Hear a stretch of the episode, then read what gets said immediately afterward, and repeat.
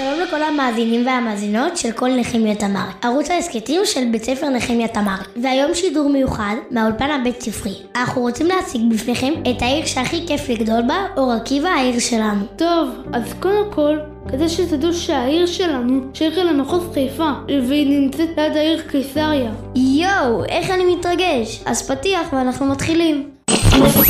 אתם מאזינים לתחנת רדיו Kids 120 FM.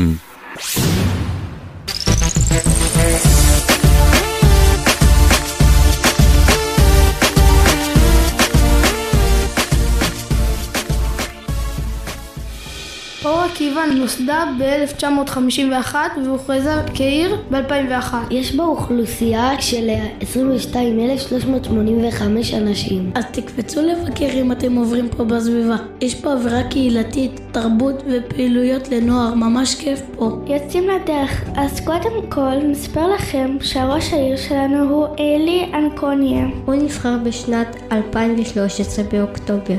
ועובדה מעניינת עליו, בטח לא ידעתם, שאלי אנקונינה נשוי לברבוריה, אב לחמש ילדים וסבא לעשר נכדים. בחרנו לפתוח את הפודקאסט עם ראש העיר, מר אלי אנקונינה, כי אנחנו רוצים לומר לו תודה על כל העשייה שלו בעיר ובקהילה שלנו בעיר אור עקיבא. כבר עברו כמעט עשרים שנה, והעיר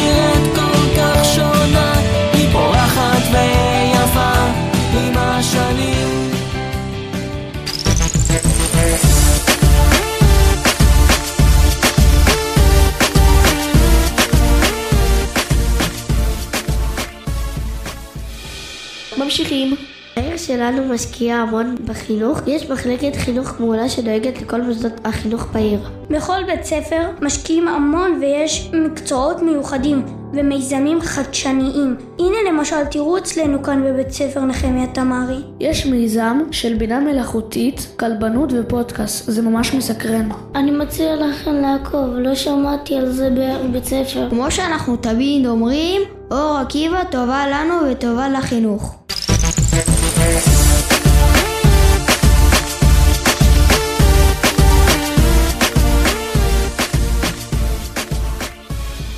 אחד מהדברים שאני הכי אוהב לעשות זה שיש המון מקומות ירוקים לבלות אחר הצהריים. הפארק שאנחנו הכי אוהבים הוא פארק הדגים. שהוא נמצא בנוף ים באור עקיבא, כדאי להגיע אליו. אפשר למכור שם פרפסים ודגים. יש שם בית עץ, יש שם מגלשות ומתקני כושר.